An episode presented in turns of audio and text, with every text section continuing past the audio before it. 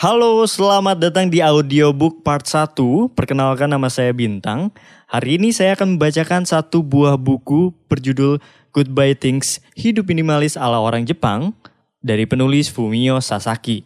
Hak cipta untuk terjemahan bahasa Indonesia ini dimiliki oleh penerbit PT Gramedia Pustaka Utama.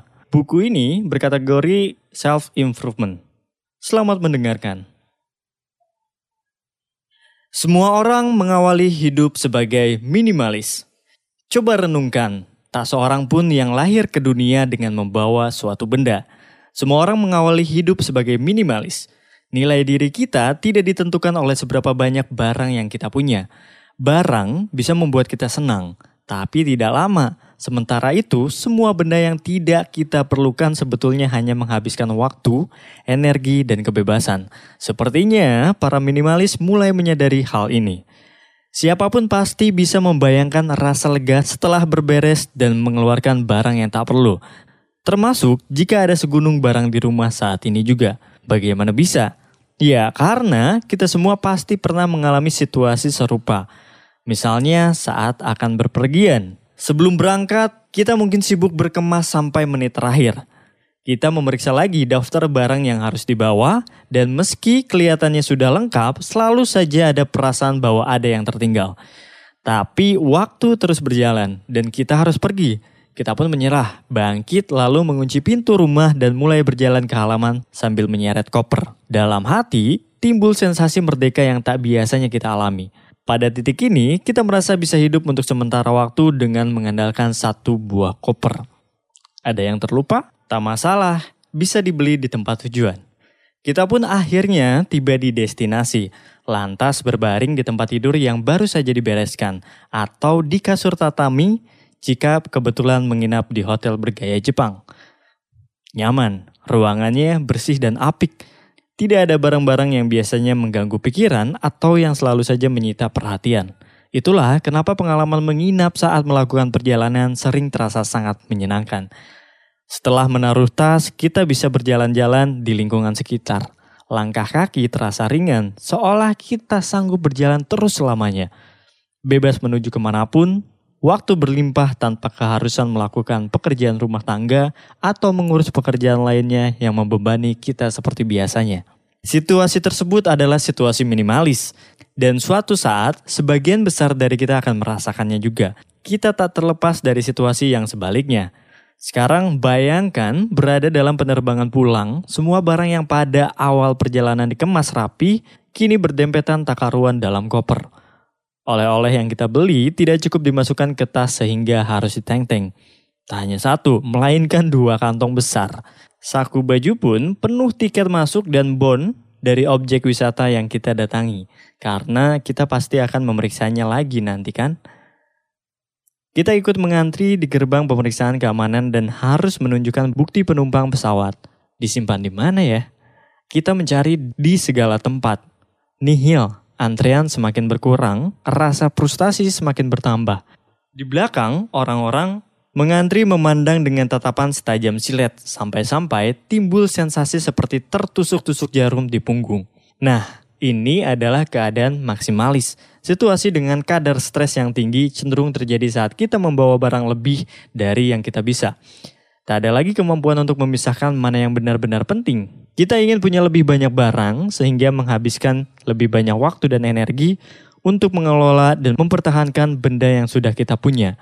Kita berusaha mati-matian sampai akhirnya barang yang seharusnya memudahkan justru mengendalikan kita.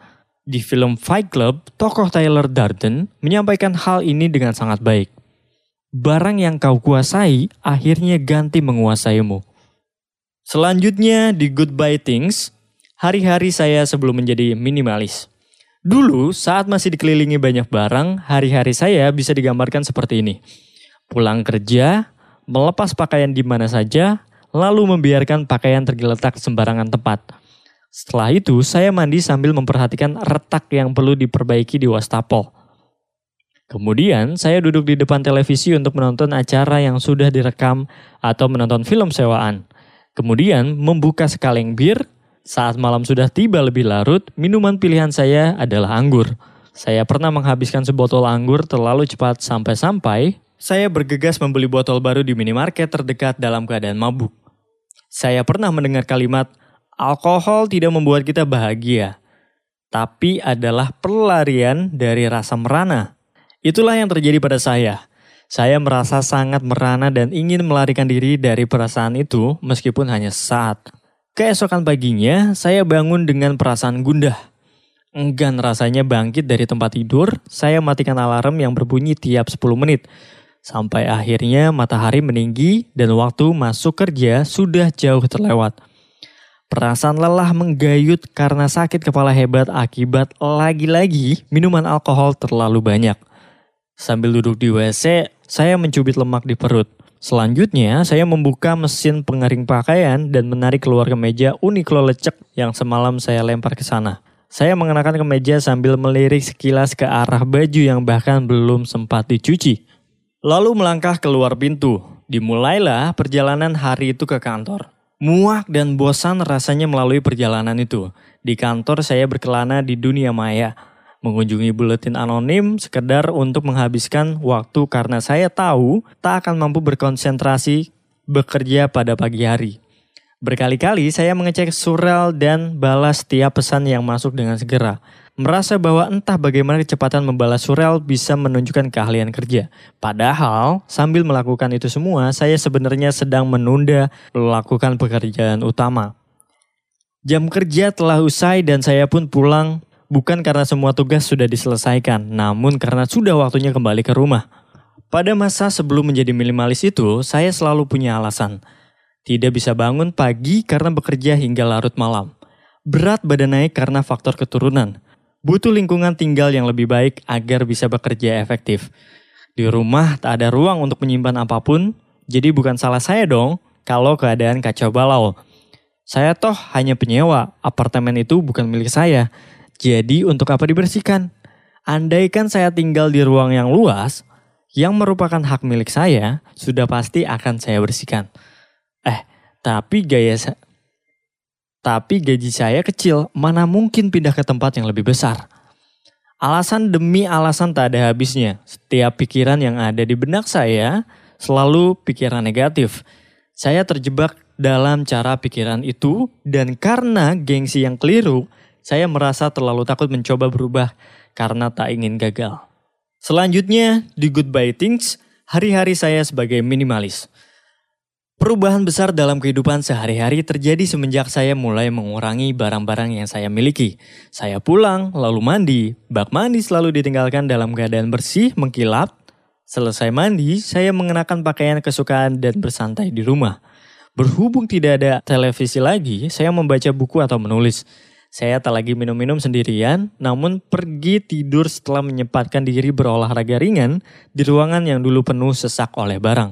Sekarang saya bangun tidur bersamaan dengan matahari terbit. Tak perlu lagi bergantung pada alarm.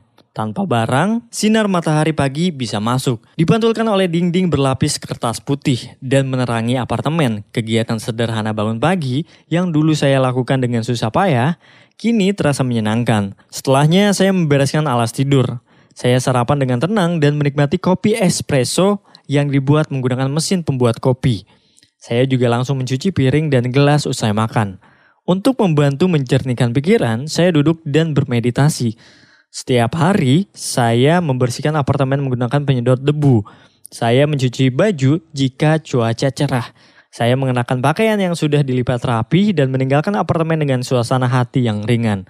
Sekarang, saya juga menikmati rutinitas pergi dan pulang kerja setiap hari. Lewat perjalanan ini, saya jadi bisa melihat pergantian empat musim. Sulit dipercaya betapa berbedanya hidup saya sekarang. Saya tak punya banyak barang dan sekarang saya benar-benar bahagia. Selanjutnya di Goodbye Things, barang-barang yang saya buang. Berikut adalah barang-barang yang saya singkirkan. Semua buku, termasuk rak buku, kalau dihitung-hitung, saya mungkin sudah mengeluarkan uang nilai sekitar 1 juta yen, kira-kira 130 juta rupiah untuk buku-buku itu. Tapi saya menjualnya seharga 20 ribu yen, kira-kira 2,5 juta rupiah. Alat pemutar musik dan semua CD saya akui dulu saya pura-pura menjadi ahli segala jenis musik termasuk musik yang sebetulnya tidak menarik bagi saya. Lemari dapur besar yang entah mengapa selalu saja penuh padahal saya tinggal seorang diri. koleksi barang antik yang saya beli dengan gegabah di berbagai acara lelang. Baju-baju mahal yang sudah tidak muat, saya meyakinkan diri baju-baju itu akan dipakai lagi begitu berat dan saya turun. Suatu hari nanti. Peralatan kamera lengkap, saya bahkan pernah menyiapkan ruang gelap buat apa sih? Macam-macam alat sepeda, gitar listrik dan pengeras suara, dua-duanya sudah tertutup debu. Keduanya tidak digunakan hanya karena saya tidak mau mengakui bahwa saya gagal menjadi musikus hebat. Meja kerja dan meja makan dua-duanya terlalu besar untuk lajang seperti saya. Saya tidak pernah mengundang siapa-siapa, tapi selalu membayangkan diri bersantap dengan seseorang. Kasur besar keluaran tempur pedik, kasur yang sangat nyaman tapi juga sangat berat. Televisi ukuran 42 inch yang jelas tidak cocok untuk apartemen seluas 100 meter persegi. Tapi saya beli untuk menunjukkan rasa penggemar film sejati. Sistem audio lengkap plus PS3 video dewasa dalam hard drive komputer, inilah benda yang paling menuntut keberanian saya untuk dibuang.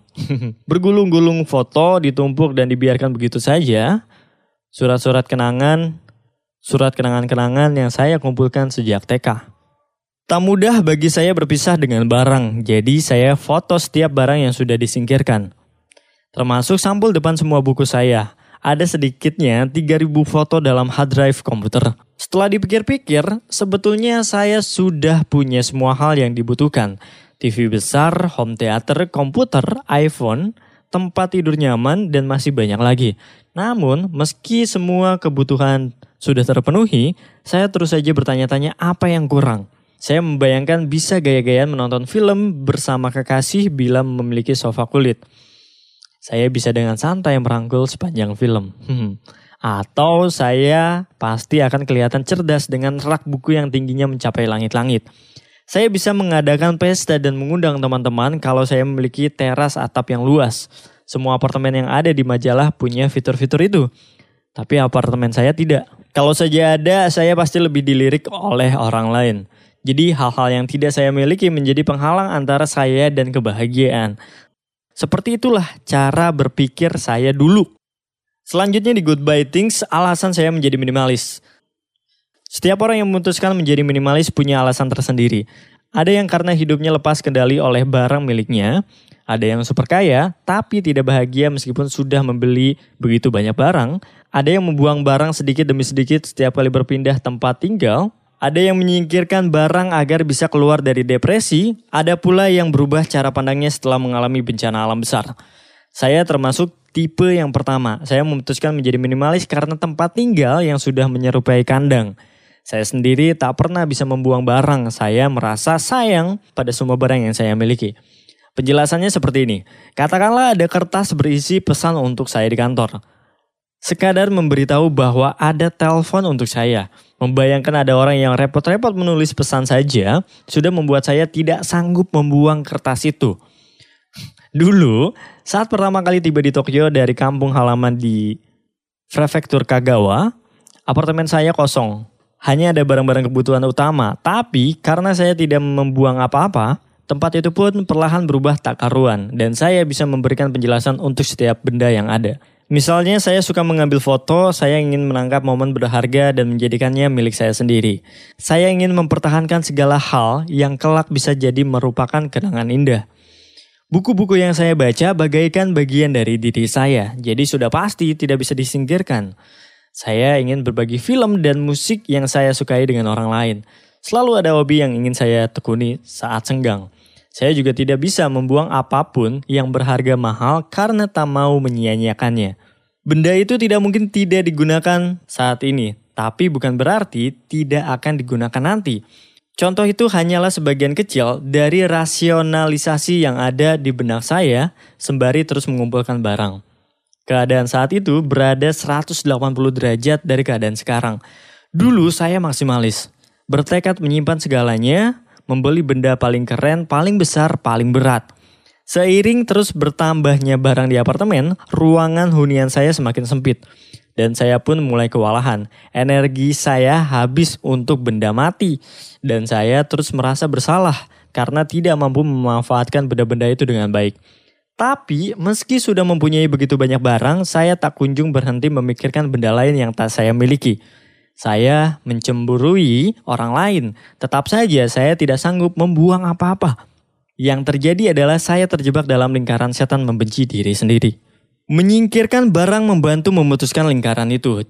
Jika Anda mengalami apa yang saya rasakan ketika itu, tidak puas dengan kehidupan Anda, merasa tidak aman, tidak bahagia, cobalah mengurangi barang-barang di sekitar dan Anda akan berubah.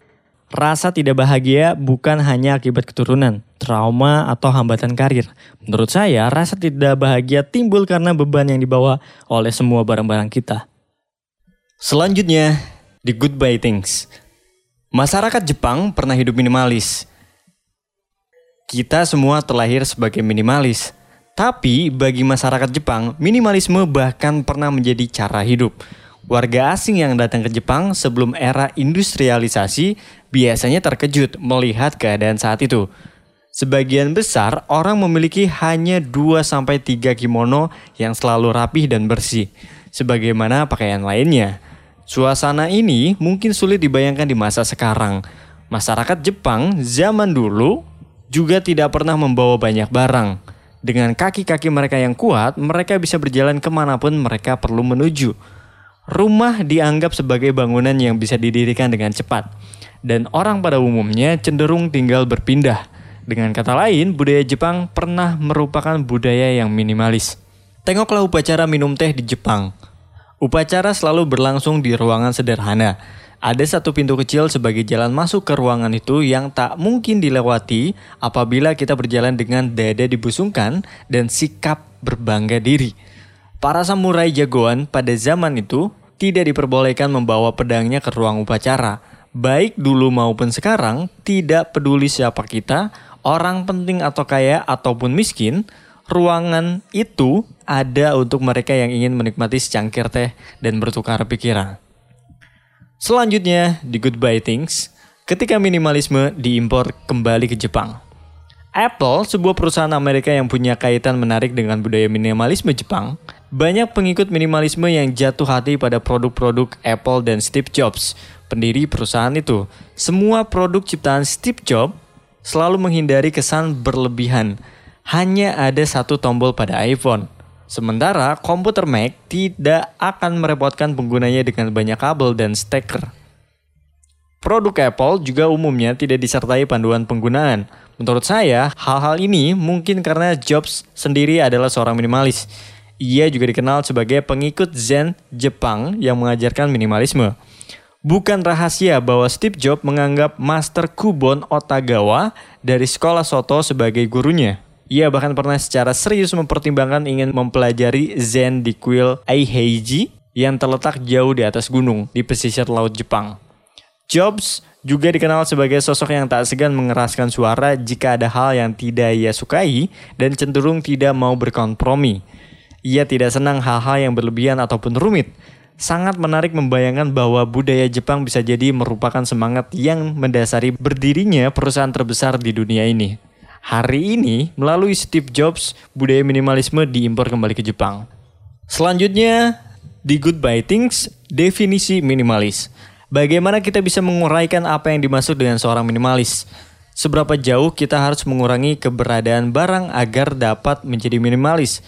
Definisi yang saklek dan pasti tidak mudah dirumuskan, tapi menurut saya sendiri, seorang minimalis adalah orang yang tahu persis hal apa saja yang bersifat pokok bagi dirinya dan yang mengurangi jumlah kepemilikan barang demi memberi ruangan bagi hal-hal utama itu. Tidak ada aturan yang pasti, orang yang masih memiliki TV ataupun lebih dari 100 barang kepemilikan tidak berarti ia bukan minimalis. Sebaliknya, hanya karena kita membuang TV dan barang-barang itu tidak otomatis menjadikan kita minimalis. Bahkan meskipun semua barang kita bisa dimasukkan ke satu koper, bukan berarti kita sudah menjadi minimalis. Setiap orang punya pendekatan tersendiri terhadap lingkungan tempat tinggalnya. Satoshi Murakami hidup nomaden. Ke mana pun ia pergi, ia membawa rumah styrofoam buatannya sendiri. Keigo Sakatsume tidak punya rumah. Ia hidup di jalan dengan hanya sebuah tas jinjing sebagai satu-satunya benda kepemilikan. Menurut saya, minimalis adalah orang yang bisa membedakan kebutuhan dan keinginan. Keinginan karena ingin menampilkan citra tertentu serta tidak takut mengurangi benda-benda yang termasuk keinginan. Nah, hal-hal yang kita anggap penting pastilah berbeda-beda. Proses mengurangi barang pun tak berlaku sama bagi setiap orang.